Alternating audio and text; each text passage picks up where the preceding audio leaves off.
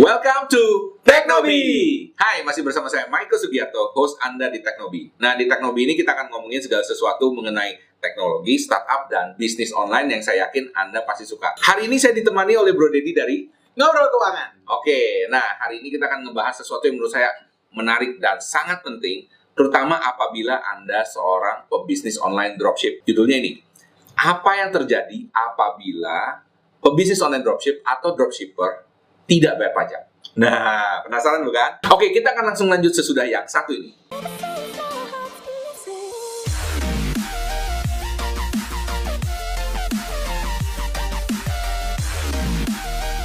Alright, welcome back to Teknobi bersama saya Michael Sugiarto, host Anda di Teknobi dan juga bersama dengan Bro Dedi dari Ngobrol keuangan. Oke, dari Ngobrol Keuangan. Nah, uh, Bro Dedi ini adalah seorang konsultan keuangan dan pajak yang sudah berpengalaman lebih dari 13 tahun. Waduh, wah.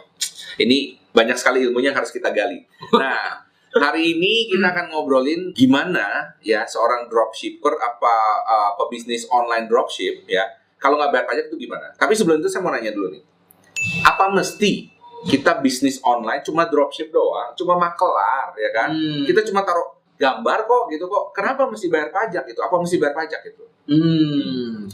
Jadi kalau ini ngomong apa ini dulu, dulu nih Bro, Bro Michael. Ini ngomongnya eh, dropship saja atau kita ngomong dulu soal bisnis online nih? Ah, enggak, kita ngomong dropship Dropship aja. Khusus dropship Oke. karena bisnis online kita udah ngomongin di video sebelumnya. Oke, siap. Nah, so kalau kita ngomong dropship, dropship ini kan berarti kita bisa menjual barang tanpa kita punya barang. Betul. Benar tak? Hmm. Berarti kan kita bisa kita jualin barangnya langsung dilempar ke sana, kita dapat keuntungan. Iya, Nah, kalau di pajak itu namanya adalah seperti komisi komisi. Oke. komisioner Komisioner. atau bahasa gampangnya makelar. Gitu Oke, ya. oke. Jadi kalau seandainya dia menjadi makelar, maka kan dia punya penghasilan, brother. Betul. Nah, ketika dia punya penghasilan, namanya kalau misalnya undang-undang perpajakan aja ngomong, segala sesuatu yang memberikan penghasilan kepada kita sebagai pribadi, maka wajib dikenakan pajak. Oh. Gitu.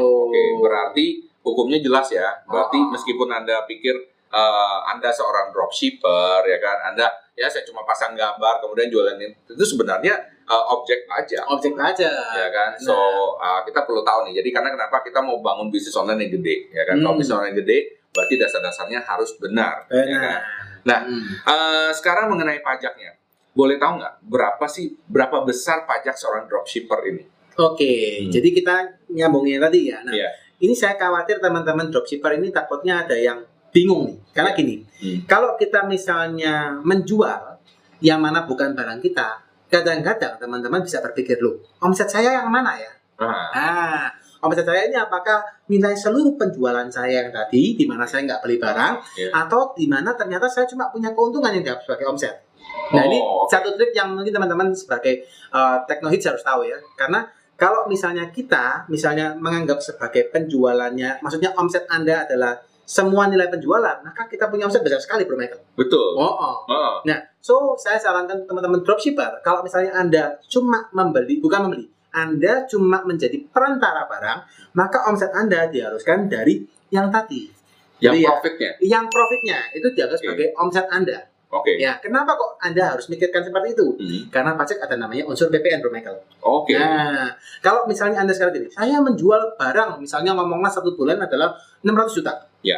Tapi ternyata untung bersih Anda kan nggak besar juga kan dropshipper ini. Ya. Misalnya ngomong 10% atau Ya. 20%. oke Which is kalau 600 juta, berarti 20 persennya 120 juta. Ya. Ya. Tapi kalau Anda ngakuin, saya jual 600 juta, maka yang terjadi adalah sudah kena unsur namanya PPN. Oke Ya, adalah di atas 100 juta kena PPN 10 persen. Ya. Nah, tapi kalau misalnya Anda mengakui 120 juta, maka ini bukan unsur PPN. oke Ya, karena masih di bawah 400 juta, di bawah 4,8 M setahun. hmm. Nah, so kalau misalnya Anda sebagai dropshipper mengakui dulu sebagai penghasilan dari komisi Iya. yang nilai tadi cuma 120 juta, nah ini yang harus Anda perhitungkan di pajak. Hmm. Ya. Let's say kita ngomong tadi kan Bro Michael tanya bagaimana sih cara menghitungnya kan Iya, gitu. betul Ya, berarti kita ngomong 120 juta ini kan per bulan. Iya. Oke? Hmm. Penghasilan yang akan dihitungkan di pajak ini kita kalau pengen gampang cara menghitungnya berapa pajak yang saya bayar, saya harus mengetahuan dulu Bro Michael. menyetahunkan Ah, jadi dikali 12 Dikali 12. Oke. Jadi 120 juta tadi dikalikan 12 ketemunya 1 berapa? berapa? 1,44 M kali ya. 1,44 Wah, besar ya gitu ya. Wah, Moga-moga teman-teman Teknohits Amin ya. ah, dapat uang segitu banyaknya tuh. ya, 1,44 M. Nah, Ya. sekarang kalau kita dapat 1,44 M, Hmm. seandainya Anda sebagai dropshipper, nah ini dibagi lagi. Hmm. Apakah Anda perorangan Ya. ataukah Anda badan usaha? Karena pajaknya beda, Bro Michael. Oke. Gitu. Ya, ya. Contohnya kalau perorangan tuh maksudnya ya kalau sendirian ya, pakai Iya. nama sendiri. Oh, oh. Kalau misalnya perusahaan itu kayak CV, PT, PT, gitu ya. ah, Oke, oke, oke. Nah, eh, mungkin bisa dikasih tahu sedikit kisi-kisi nih buat para teknologi. itu para teknohits ya. Hmm. Ini kalau misalnya tadi Anda, mendapatkan 1,44 M setahun, wah besar sekali nih. Iya. Nah, ternyata Anda pribadi. Hmm. Nah, maka pribadi ini akan mendapatkan pajak progresif teman-teman. Ya, Hmm. progresifnya sebesar berapa? 5 persen, 5 per, 15 persen, 25 persen, atau pada 30 persen. Jadi tergantung jumlah penghasilan yang dimiliki, semakin besar persentase pajaknya semakin besar. Oh, semakin besar malah semakin besar. Iya, pajaknya jadi misalnya semakin besar, di atas 5 juta, dapat 30 persen berarti Michael. Wow.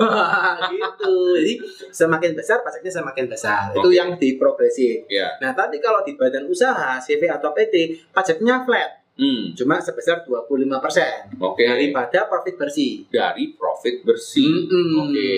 Gitu. Kalau yang eh, individu tadi dari omset apa profit, profit bersih juga. Profit bersih juga. Ah, Oke, tadi oke. kita lihat tadi ya, Ah. kalau misalnya dia sudah omset di atas 4,8 M, Iya. maka dia harus dapat tadi bisa yang TPN unsur PPN juga juga juga diperhitungkan. Tapi Oke. kalau misalnya di bawah 4,8 M, dia dari profit bersih saja. Itu kalau yang let's just say misalnya yang eh, dia mengakui 120 juta, itu kena Hmm. PPN lagi apa gimana? Enggak. Enggak. enggak. Kalau selama Langsung. dia 120 juta tadi. Oke. Tapi kalau ternyata penghasilan maklarnya aja sudah di atas 400 juta, 400 juta itu kena lagi. Eh, Jadi nah. PPN dulu baru kena pajak progresif lagi Iya. atau pajak yang tadi 25% ya.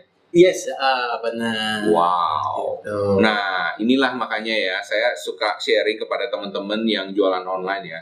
Hmm. Kadang-kadang tuh orang jualan online yang ngambil profitnya tuh nggak tanggung-tanggung. Nggak tanggung-tanggung berapa? Maksudnya tuh cuma 1000 perak, 1500, bahkan ada yang jual rugi. Gimana coba misalnya kamu bisa bayar pajak, bisa bayar modalmu dan lain sebagainya. Kalau kamu sendiri profitnya cuma segitu, which is nggak mungkin betul kan ya? Benar. Nah itu dia. Jadi eh, harus hati-hati terutama. Jadi profit juga harus sehat, ya kan? Jadi kalau nggak bisnis online mah ya nggak bisa berkembang selama lamanya begitu, kucing-kucingan doang, Hmm. ya kan? Hmm. Nah akhirnya nggak sehat dan anda bingung bisnis online eh, bertahun-tahun, tapi kenapa bisnis online-nya masih belum berkembang? Ya karena gitu, karena eh, tidak terbuka dan juga tidak istilahnya eh, tidak punya basis atau fondasi yang benar. Benar. Ya, jadi saya sarankan kepada teman-teman yang pebisnis online, bahkan Anda jika pebisnis online dropshipper aja, Anda juga sudah mulai taat pajak dan paham hukum uh, yang berlaku di Indonesia. Benar. Thank you banget uh, Bro Dedi untuk informasinya. Saya yakin teman-teman pasti punya banyak pertanyaan. Nah, silakan ya komen below. Silakan komen below pertanyaan apa aja. Nanti uh, saya akan undang lagi Bro Dedi untuk ngobrol-ngobrol masalah ini lebih dalam lagi ya. Siap. Nah, kalau misalnya uh, teman-teman mau info lebih banyak bisa mampir ke mana nih Bro Dedi? Mampir aja ke channel kami, ngobrol keuangan. Ngobrol keuangan ya. Nanti Anda bisa cek sendiri langsung. Oke, terima kasih Bro Dedi. Sama-sama. Sampai jumpa. Dan juga buat teman-teman Technoheads, uh, ingat selalu ya kan untuk jadi warga negara yang baik, Anda harus taat pajak. Oke, salam sukses, spektakuler.